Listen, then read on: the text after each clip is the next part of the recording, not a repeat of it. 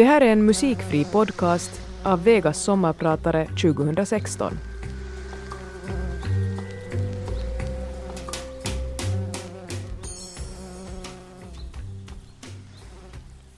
Regeringen anser att vi har för många högskolor och universitet och för mycket personal inom dem. Min arbetsgivare Helsingfors universitet har varit väldigt snabb med att förverkliga nedskärningar. Nästan tusen årsverken ska bort fram till 2020. 48 personer ur forsknings och undervisningspersonalen och 323 ur övrig personal har blivit uppsagda under våren. Det finns ett välartikulerat motstånd mot det som pågår bland forskare, i sociala medier, i bloggar och dagstidningar. Men på grund av hur våra medier fungerar idag tycks den kritiken främst nå dem som redan är införstådda. När kritiken når den breda allmänheten låter den ofta fel. Den låter som gnäll från människor som klänger sig fast vid sina privilegier. Vad vi som jobbar på universiteten ser är däremot en typ av våld, ett angrepp mot kunskapens infrastruktur. Jag heter Nora Hämäläinen och jag är din sommarpratare idag. På grund av det som händer inom universiteten ska jag prata om kunskap, förståelse och om vad ett universitet är.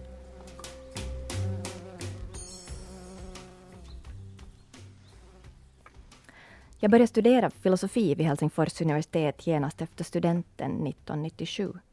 Universitetet kändes som en typ av räddning. Äntligen ska man få göra något på riktigt. Jag var från början inställd på att doktorera och bli filosof. Det handlar säkert mycket om bristande fantasi, men också om ett sätt att skapa ordning. Hade jag bestämt mig så skulle det bli så. Jag var inte alls intresserad av att resa sig mig omkring, träffa människor, prova mig fram i olika studier. Allt det där som man föreställer sig att unga människor är intresserade av. Jag ville något ordnat. Jag ville bli vuxen och jobba. Jag ville göra filosofi och jag skulle till slut bli professor. Det finns ibland sådana studenter som dyker upp på filosofen, som bara vet att de ska bli filosofer. Men det är inte så ofta just de som faktiskt fortsätter. Men när jag tänker på mig själv i den åldern ser jag ett drag som jag tror är ganska typiskt för dem som faktiskt blir forskare i humanistiska ämnen. De är ganska ordningsamma och inte särskilt bohema. De är ofta inga sökare och de motsvarar inte alls stereotypen av flummiga humanister. Det var ursprungligen min fem år äldre bror som föreslog att jag skulle studera filosofi. Jag var kanske 16 när han började bekymra sig för min framtid.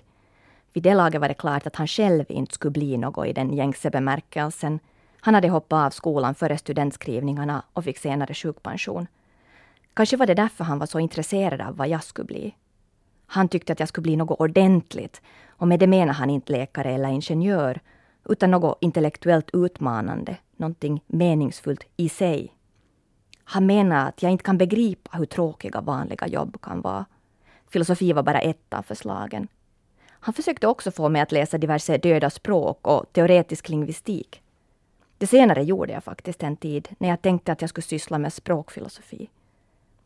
Skulle jag inte ha varit så tydligt humanistiskt orienterad skulle han säkert ha föreslagit matematik eller astronomi. Själv funderade jag på att läsa historia, men han trodde att jag skulle tycka att det är tråkigt. Jag hade redan bestämt mig för filosofin när jag var 17 eller 18 och när jag väl började studera hade jag ett enormt barnsligt komiskt självförtroende. Jag tänkte från början på filosofi som något som man gör snarare än något man läser. Det här var på gott och ont, för det är troligen därför jag är kvar. Men också därför som jag aldrig känner att jag har läst på ordentligt. Väldigt länge läste jag också helt fel texter, samtida analytisk filosofi, när jag borde ha läst klassiker till exempel. Nu vet jag inte längre vad jag kan bli, men jag vill fortfarande göra filosofi. Det känns som om jag bara precis har börjat och egentligen inte har gjort något ännu. Allt har tagit mycket längre tid än jag kunde tro. I år fyllde jag 38, vilket betyder att jag har levt hälften av mitt liv inom universitetet. Av de sex år det tog för mig att få min magisterexamen var jag mammaledig i två år. Och av de sex år som det tog för mig att få min doktorsexamen försörjde jag mig mer än två år med andra jobb. Och av de drygt sex åren som har gått sedan min examen har jag jobbat tre år vid Helsingfors universitet.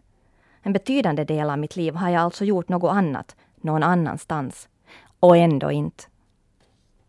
Universitetet, både som plats och som idé, har varit min fasta punkt Min e-post har varit helsinki.fi. Universitetsbiblioteket har gett mig nödvändiga texter. Undervisning, föredrag, seminarier, konferensmiddagar, disputationsmiddagar och institutionsjulfester har varit mina viktigaste sociala evenemang. Jag skulle lätt kunna leva utan Helsingfors universitet, men inte utan ett universitet. Jag levde ett drygt halvår med University of Chicago och det gick bra. Nästa år ska jag leva med Uppsala universitet och jag ser fram emot det. Men utan universitet skulle jag med nödvändighet bli någon annan. Det som trots allt har varit en enhetlig livsbana med enhetliga, långsiktiga, uppslukande mål skulle brytas. För det är oklart om det alls finns någon plats för det jag gör utanför det som vi kallar för den akademiska världen. Jag tänker ofta på att bli något annat, vad det skulle vara. Men det är lite som att tänka på döden. Att tänka på att jag ska avstå från allt. Förvisso är allt kött hö och blomstren dö och tiden allt fördriver. Men det är samtidigt märkligt att jag i den här åldern, med en enligt dagens mått helt okej okay akademisk karriär på gång, hela tiden ska tänka på att avstå. Jag undrar, är det en fråga om läggning? Att jag är skapt på det sättet? Då är det ju inte ett samhällsproblem och egentligen ingenting för mig att prata om. Eller är det en fråga om en tid som tar ifrån oss våra långsiktiga målsättningar? Som gör det omöjligt att se framåt?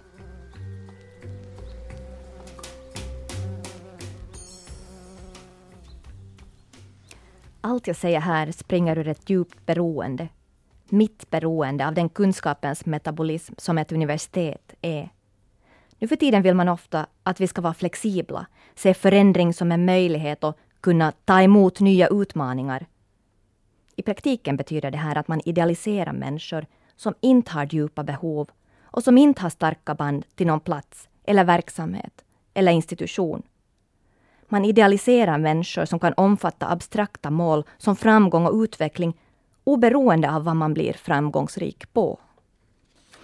Det här är paradoxalt, för vi lever också i en tid som idealiserar olika typer av ganska specifika topprestationer toppidrottare, toppforskare, framgångsrika konstnärer, bästsäljande författare.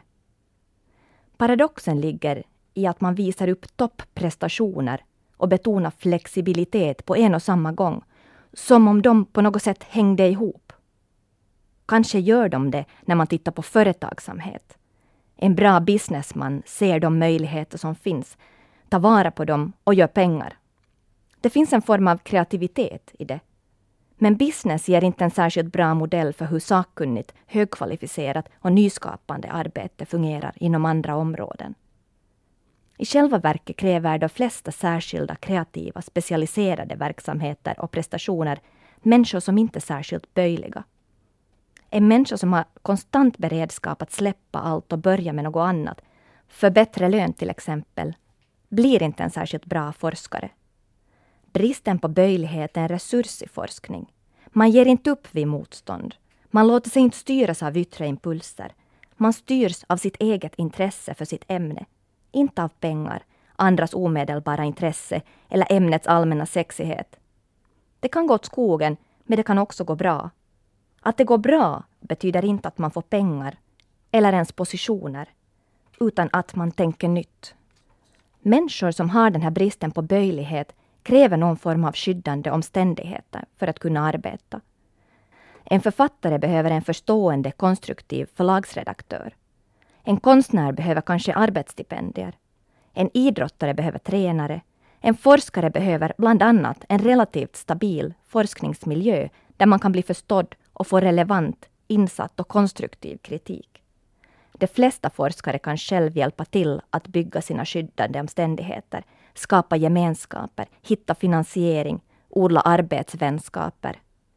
Men de här skyddande omständigheterna är ofta beroende av yttre ramar som man själv har svårt att påverka. Får man ha kvar sina kollegor? Får man själv fortsätta jobba? Jag har levt en stor del av mitt vuxna liv på ettåriga och ibland kortare arbetsstipendier för forskning. Jag är numera docent i filosofi vid Helsingfors universitet och jag vet nu att jag kommer att fortsätta leva på stipendier åtminstone två år till. Trots att jag fram till augusti är anställd vid Helsingfors universitet står jag i akademins utkant. För mitt eget forskningsområde, filosofin, och min egen åldersgrupp är jag ganska typisk. När jag tittar på mina jämnåriga finska eller utländska kollegor ser jag ganska många som inte har ett stadigvarande forsknings eller undervisningsjobb vid ett universitet. En stor del befinner sig i en utkant där de söker finansiering eller vikariat och försöker hålla fast vid sina universitetsaffilieringar och e-postadresser. Det här är människor som aktivt publicerar i internationella forskningsjournaler, har gett ut böcker på ansedda akademiska förlag och blir inbjudna att tala på konferenser. Många av dem har också lång erfarenhet av undervisning. Den akademiska världen består alltså i hög grad av en utkant av människor som bara är halvt eller tillfälligt inkluderade, trots att de gör samma jobb som de som har tillsvidareanställning. Forskarförbundet, som är universitetslärarnas och forskarnas fackförbund, meddelar att 60 procent av deras medlemmar jobbar i tidsbundna arbetsförhållanden. Professorerna ingår inte i den här siffran. De hör till professorsförbundet och i regel tillsvidareanställda. Många av medlemmarna är doktorander, vilket delvis förklarar den höga siffran eftersom doktorandprojekt har en naturlig tidsbegränsning. Hur som helst lever också många disputerade forskare med en enorm osäkerhet i ett arbete som till sin natur är långsiktigt och alltid sträcker sig bortom den aktuella finansieringsperioden eller vikariatet. De flesta som har ett jobb som lektor eller professor fungerar därför också som beskyddare och kontaktperson för flera doktorander, disputerade forskare och docenter som saknar fast position. De flesta forskningsgrupper består delvis av människor som saknar långvarig finansiering, som hela tiden söker och som hela tiden riskerar att falla ut mitt i arbetet. Det är så här systemet är uppbyggt. Universiteten kan på många sätt göra livet lättare för snuttjobbare. Men de reformer och nedskärningar som nu görs bidrar bara till att öka osäkerheten. En lektor som blir uppsagd är inte bara ett årsverke mindre för universitetet. Ofta förlorar man ett unikt nätverk av kompetenta människor. När man säger upp forskare och universitetslärare är det ett budskap till hela forskarsamfundet. Vi bryr oss inte om era kunskaper. Vem som helst av er kan vara ute imorgon. Det är bäst att ni förbereder er på det. Om ni inte är böjliga får ni skylla er själva.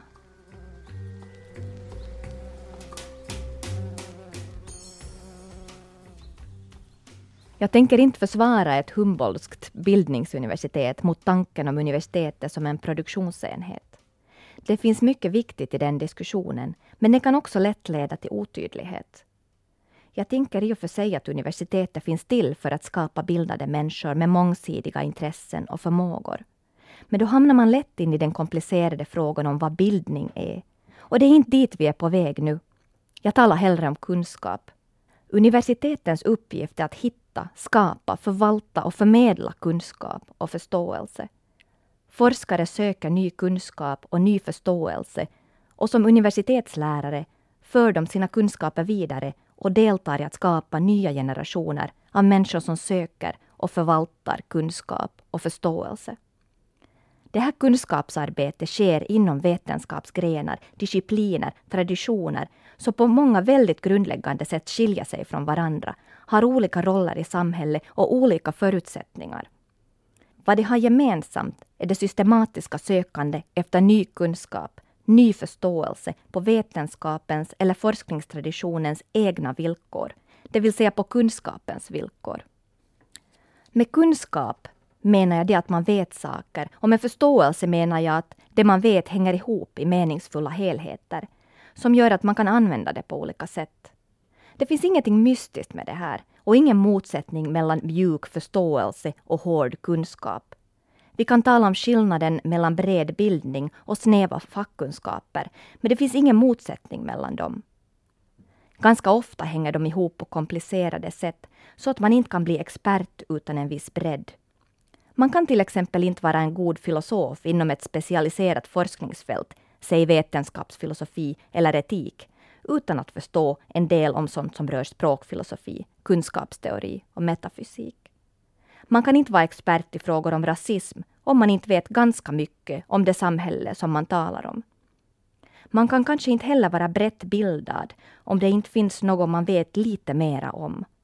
Att veta lite mer om något särskilt, att ha någon form av specialkunskap, är en viktig erfarenhet. För det hjälper oss att verkligen förstå att allt som är värt att veta inte går att hitta via Google. Att vem som helst inte är expert. Att alla synpunkter inte är likvärdiga. Som före detta student i filosofi har jag några gånger blivit intervjuad av nuvarande filosofistudenter som gör sin arbetslivsorienteringskurs. Det är en kurs där man ska fundera på vad man kan bli när man blir stor. Och det tycks åtminstone ibland ingå att man intervjuar någon som är utexaminerad från samma ämne om jobbmöjligheter och yrkesval och sånt. I vintras blev jag intervjuad av en mycket trevlig förstaårsstudent som artigt hörde på när jag förklarade det vanliga. Att det är få som blir forskare, att det är viktigt att fundera på vad man själv vill göra, att man ska söka sommarjobb eller praktik i en bransch där man vill jobba och att man överhuvudtaget ska skaffa arbetserfarenhet. Om man till exempel vill bli journalist eller annars jobba med text kan man börja med att skaffa skriverfarenhet i någon mindre tidskrift. Efteråt insåg jag att jag hade glömt att säga det absolut viktigaste. Det jag borde ha sagt är att man ska satsa på sina studier och inte oroa sig så mycket för framtiden. Det bästa en filosofistudent kan göra är att studera filosofi. Att göra det ordentligt när man väl gör det. Vad är det för mening att bli utexaminerad i filosofi om man inte kan någon filosofi utan bara har allmänna arbetslivsförmågor? Och vad är en bättre förberedelse för arbetslivet än det att man vet vad det innebär att göra någonting ordentligt, helhjärtat? Att jag inte begrep att säga det här berättar något om vad som har hänt på universiteten. Vi har dåligt självförtroende. Vi lär studenterna att det vi gör kanske inte är viktigt, att kunskap inte är jätteviktigt. Bara anställbarhet är det. Det vill säga det att man i sin CV vid 25 år fyllda kan visa aktivitet på många olika områden. De enda som har självförtroende är alla de fantastiska män och kvinnor som ännu mer vill betona anställbarhet, näringslivskontakter och innovationer.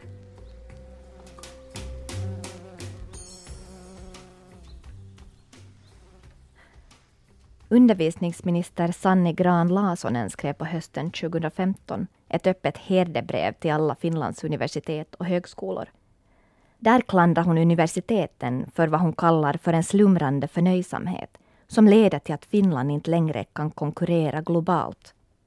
Befolkningens utbildningsnivå stiger inte som förut. Våra relativa konkurrensfördelar har minskat. Vår tillväxt har stannat upp. Andra springer fortare, föder nytt överraskande snabbt. Hon säger faktiskt så. Muut juoksevat kovempaa, synnyttävät uutta yllättävän nopeaan. Högskolorna skrivs in i en historia om internationell tävling om innovationer, konkurrensfördelar, tillväxt. I den historien är kunskap en nyttighet som syftar till tillväxt. Högskolornas problem är att de inte är tillräckligt kvicka och dynamiska i konkurrensen om innovationer. För att lösa problemet tycker ministern att man ska välja bort sånt som man inte är jättebra på och satsa på det som man är bra på. Och framförallt ska enheterna bli större, större universitet och större institutioner. Men den här bilden av universitetens roll är helt förvirrad. För det första är innovationer inte universitetens huvuduppdrag. Många tänker att innovation betyder nytänkande eller uppfinning i största allmänhet. Men det är ett ord som har en stark konnotation av nytänkande för ekonomisk vinning. I finskan är den här betydelsen dominerande, så när de finska politikerna talar om innovationer talar de om upptäckter som kan omsättas i produkter och affärsidéer. Men det här är inte universitetens uppgift. Grundforskning syftar inte till innovationer men kan i och för sig leda till innovationer i något skede, ofta i någon annans händer. Det är helt som det ska vara. Grundforskning och utbildning är former av grundläggande kunskapsservice som det inte går att sätta en prislapp på, bland annat för att de förändrar världen hela tiden. De förändrar vad vi kan göra och vad vi kan vara, individuellt men också tillsammans, som samhälle. Den forskning som lovar ekonomisk vinning är ur den här synvinkeln inte viktigare än den som inte gör det. Vi forskar och utbildar för att ett modernt utvecklat samhälle behöver människor med olika typer av fördjupade kunskaper. Det behöver också många olika typer av forskning. Rationellt samhälleligt beslutsfattande kräver samhällsvetenskaplig forskning. Forskning i miljöfrågor är nödvändig om inte vi ska förstöra planeten. Språkforskning är en del av vad det innebär att ha ett modernt, standardiserat skriftspråk. Att historieforskningen behövs inser man varje dag när man läser dagstidningen. Medicinsk forskning är det kanske ingen som direkt ifrågasätter, för den berör så omedelbart våra största rädslor, vår egen och våra närmastes dödlighet. För många forskningsgrenar och ämnen är det lätt att peka ut hur de är nyttiga och ofta har den här nyttigheten ganska lite att göra med innovationer och tillväxt. Det finns också mycket forskning där det är svårt att peka ut den omedelbara nyttan. Så är det med mycket humanistisk grundforskning. Vi vet inte riktigt varför det skulle vara nyttigt att forska i frikyrkliga rörelser i USA på 1800-talet. Men det kan plötsligt visa sig att det är centrala för att vi ska förstå vissa drag i vår egen tid. Eller så blir det bara en del av vår värld, som vi känner den. All kunskap vi har bidrar till att öppna världen för oss. En värld där en del kan läsa kilskrift är en annan än den där ingen kan det. En värld där människan kan använda elektricitet är en annan än den där hon inte kan det. En värld där en del jobbar med att skriva akademisk litteraturkritik är en annan än den där ingen gör det. Det här har betydelse för författarna, för läsarna och för hur vi lär oss att gestalta världen. Kunskap gör världen tillgänglig för oss och förändrar den samtidigt. Min värld, efter 20 år av filosofi, är en helt annan än den skulle vara utan. Det är för att jag genom mina studier och mitt arbete har tillgång till en komplex tradition av tänkande om moral, om människan och om det goda livet, till exempel. Det jag gör är kanske inte jättebra, för filosofi är nästan aldrig jättebra. Men jag är hemma i traditionen. Många kan tycka att min forskning i moralfilosofi är helt onödig, men jag tänker att moralfilosofin är en del av hur vi tillsammans ser världen. Utan moralfilosofi skulle vi förlora en del av vårt moraliska tänkande och vår självförståelse. Utan ganska många människor som är hemma i vår moralfilosofiska tradition upphör traditionen och vi blir traditionslösa. Aristoteles, Kant, Mill och andra blir bara lösryckta dokument från andra tider. Också om inte jag gör något banbrytande så hjälper jag till att hålla några gläntor av förståelse öppna. Det är lite som slyröjning. Det måste göras kontinuerligt om man vill hålla sikten öppen. Och någon måste göra det. Precis som slyröjning är det något man gör för att upprätthålla en mänsklig värld. Göra världen mer beboelig. Vi tänker oss att vi är moderna människor som vill veta och förstå, inte bara gissa eller tro. Men vår värld är full av föreställningar som inte håller för kritisk granskning, som baserar sig på gissningar, önsketänkande eller ideologi. Forskning är kritisk granskning. Den hjälper oss att se det som är och se det på nya sätt. Att säga vi behöver mindre kulturforskning är att säga vi nöjer oss med gamla och felaktiga föreställningar eller synsätt som inte beaktar vad som händer i världen just nu. Att vi till exempel kan nöja oss med en konstsyn som rådde i början av 1950-talet, för det spelar ju ingen roll hur vi förstår konst.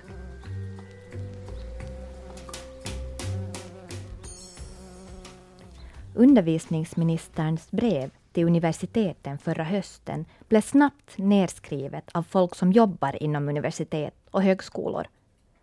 Man menar bland annat att finländska universitet klarar sig bra i förhållande till resurser och befolkningsmängd, att högskolan har flera olika uppdrag, att större universitet och institutioner inte leder till bättre forskning, att mindre pengar kommer att leda till mindre gjort arbete. Många var också ganska chockerade över att en relativt ung person med makt såg det som motiverat och berättigat att läxa upp forskarna och professorerna om hur forskning och högre utbildning ska skötas. Jag menar, hur skulle hon kunna veta just det bättre? Man kunde nu, efter ett drygt halvår, avfärda brevet som snömos om inte var för att ministerns idéer är ganska vanliga, inte bara i regeringen utan också bland människor som brukar makt på universiteten. Det är inte bara politiker som inte vet vad ett universitet är. Man vill ofta få det att se ut som om universiteten var stagnerade. Det är en typ av aggressivt påhopp. Universitetsvärlden står inte stilla. Tvärtom är problemet att den rör sig för snabbt, på fel sätt. Universiteten har under de senaste årtiondena konstant gått igenom olika typer av reformer. I början av 00-talet var det Bologna-reformen där man skapade en gemensam examensstruktur för europeiska universitet. I slutet på 00-talet kom den nya universitetslagen som skilde universiteten från staten och gjorde slut på det gamla kollegiala självstyret och gjorde plats för utomstående i universitetens styrelser. Man byggde på många håll nya storinstitutioner med centraliserad förvaltning för att ersätta de gamla ämnesinstitutionerna. Den här våren har Helsingfors universitet sagt upp hundratals personer ur förvaltningen och skapat en centraliserad administration för hela universitetet. Samtidigt pågår en stor omstrukturering av kandidatstudierna, där studierna ska bestå av kandidatprogram där flera ämnen ingår. Till exempel har politisk historia, ekonomisk och social historia, social och kulturantropologi och u-landsforskning samsats kring något som ska heta kandidatprogrammet för samhälle i förändring. Praktisk filosofi, teoretisk filosofi och det svenskspråkiga filosofiämnet kommer på liknande sätt att gå ihop. Man kommer alltså i framtiden inte in på skilda utbildningslinjer för olika vetenskapsgrenar, utan ämnena inom programmen har gemensamma studenter eftersom de olika disciplinerna inte längre kommer att ha egna studenter försvagas de enskilda ämnenas positioner. Det blir lättare att avskaffa små ämnen och säga upp flera lektorer och professorer eftersom de bara utgör en liten del av ett större program. För det svenska filosofiämnets del ser det oundvikligt ut och humanistiska fakultetens dekanus Arto Mustajoki har uttryckligen sagt att han inte kan försvara ett litet svenskt filosofiämne på fakultetsnivå i den nuvarande situationen. Alla reformer, små och stora, har haft både förespråkare och kritiker inom universiteten. En del har säkert varit till det bättre. Grundproblemet är ändå att de ständiga reformerna gör det svårare för forskarna och universitetslärarna att själva påverka sitt jobb. Professorerna och lektorerna tvingas göra mer arbete som inte har att göra med undervisning och forskning. Istället ska de syssla med toppstyrd utveckling, uppföljning, arbetsgrupper, webbformulär och inte sällan försöka parera misslyckade utvecklingsförslag uppifrån politikerna och universitetsledningarna utvecklar för att bättre kunna kontrollera och maximera resultaten. Det här är en internationell trend som har pågått i några årtionden. Staterna tror inte längre på högre utbildning och fri forskning i sig. Forskningen ska tyglas till redskap för olika utifrån definierade mål, bland annat just tillväxt. Man tänker sig att det här kan förverkligas med ökad toppstyrning och mindre makt åt forskarna. Utbildning ska också motiveras med tillväxt, men eftersom man är osäker på om den faktiskt kan skapa tillväxt skjuter man över mer ansvar på studenterna. De ska investera i sin framtid med terminsavgifter och studielån. Utbildning ses allt mer som individens kapital, inte samhällets. Eller omvänt, individens risk, inte samhällets. För forskningens del ska resultaten konstant mätas och jämföras mellan universitet och mellan länder. Eftersom allt onödigt ska bort måste man hela tiden fundera på vad som är onödigt. Döda språk, små ämnen, sånt som man bara är ganska bra på. Men det är inte så man skapar förutsättningar för god forskning. Forskning är inte rankingresultat utan tankeinnehåll och kunskap. Det är omöjligt att uppifrån bestämma vilka som kommer att göra betydande forskning och när de kommer att göra det. Det är ofta oklart ännu när forskningen är gjord och länge efter det. Är det här någonting som kommer att påverka andras tänkande eller inte? Kommer det att läsas? Kommer det att leva vidare i någon form? Största delen av den forskning som görs är inte banbrytande. Om den var det skulle ingenting vara banbrytande. Också det som inte är banbrytande kan vara välgjort och ingen vet vad som i något skede leder till något nytt och viktigt. Dessutom ska man veta att det finns många som inte själva gör någon nämnvärd forskning, men som har en avgörande roll i att andra gör det. Det här är människor som kanske håller fantastiska kurser, ordnar studiecirklar, läser sånt som ingen annan läser, kommenterar andras texter, skapar mening, rättar andras fel. Tanken att man kan ta bort alla utom topparna är ett missförstånd. Topparna finns bara i och med att allt det andra finns. Topparna finns bara i och med att alla de andra finns. Det är toppar i förhållande till det andra, inte i sig själva. Man tänker lätt på universitetet som en samling individuella forskare, lärare och studenter som samlas kring olika projekt. Men vi borde kanske snarare tänka på universiteten som en komplicerad organism där vi är beroende av varandra för att kunna tänka. Lyckade forskningsseminarier till exempel är nästan alltid ett resultat av relationer, tillit, vänskap. Det kan vara en professor som är särskilt bra på att samla och inspirera yngre kollegor. Det kan vara en grupp som samlar andra omkring sig. Det kan vara ett komplicerat nät av människor som på olika sätt inspirerar varandra att fortsätta diskutera, fortsätta anstränga sig och utmana varandra. Det handlar om människors glädje i varandra. De här sammanhangen är väldigt sköra. Men när det går sönder är det inget som syns eller hörs uppe hos universitetsledningarna. Det är bara människor som upphör att diskutera, upphör att söka kunskap tillsammans.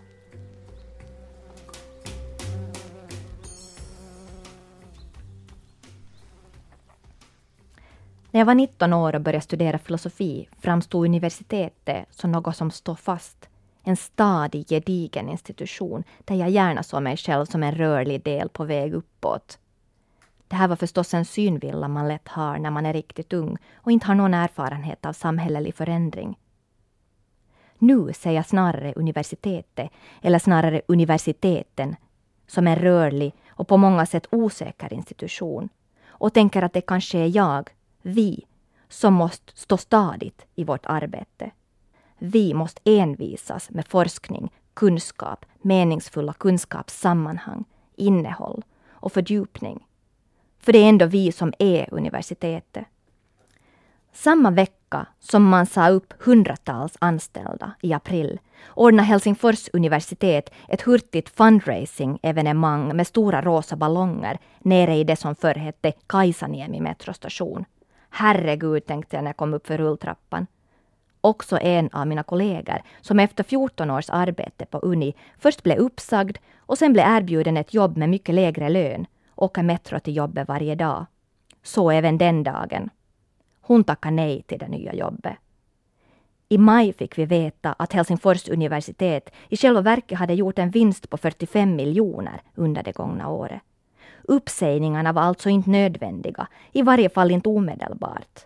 Det var ett sätt för ledningen att skaffa sig spelrum uppifrån. Metrostationen som vi passerar igenom fick i fjol namnet Helsingfors universitet för att fira universitetets 375-årsjubileum. Man satsar då också på en stor affischkampanj på stan för att öka universitetets synlighet och ge det en fräsch och lockande profil. Men som universitetsanställd är det svårt att se hur det är tänkt att fjolårets firande och vårens fundraising ska hänga ihop med det som händer i verkligheten. Det handlar om att bygga en snygg fasad samtidigt som man skiter i insidan. Det handlar om att kommunicera en positiv bild utåt samtidigt som man visar att man inte tror på eller ens särskilt väl förstår det man har. Det påminner om de politiker som efter förlorat val säger att de har misslyckats med att kommunicera sitt budskap. På insidan upplever många den glassiga kommunikationen som en kränkning. För många akademiker hägrar sommaren varje år som den där tiden då man äntligen hinner läsa och tänka fritt utan tankar på hur det man gör ska se ut.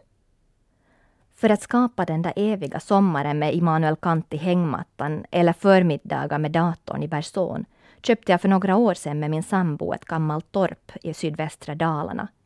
Min sambos släkt kommer från orten och det gjorde också arbetarpoeten Dan Andersson. Dan Andersson var ju långt ifrån universitetsutbildad, men han representerar för mig ändå väldigt starkt den typ av kunskapshunger som kännetecknar 1900-talets arbetarrörelser. Man såg kunskap, förståelse, bildning, utbildning, kultur, litteratur som vägar framåt, som något som förändrar världen. Det här var något som förenar arbetarna och borgarna. Jag tror att det här är något som vårt samhälle håller på att tappa bort. För att påminna oss om det vill jag avsluta med en Dan Andersson-sång. Helgdagskväll i timmerkojan med Torstein Bergman. För mig fungerar den här sången på samma sätt som Giv mig i glans eller En vänlig grönskas rika dräkt. Jag är Nora Hämäläinen och har varit din sommarpratare idag.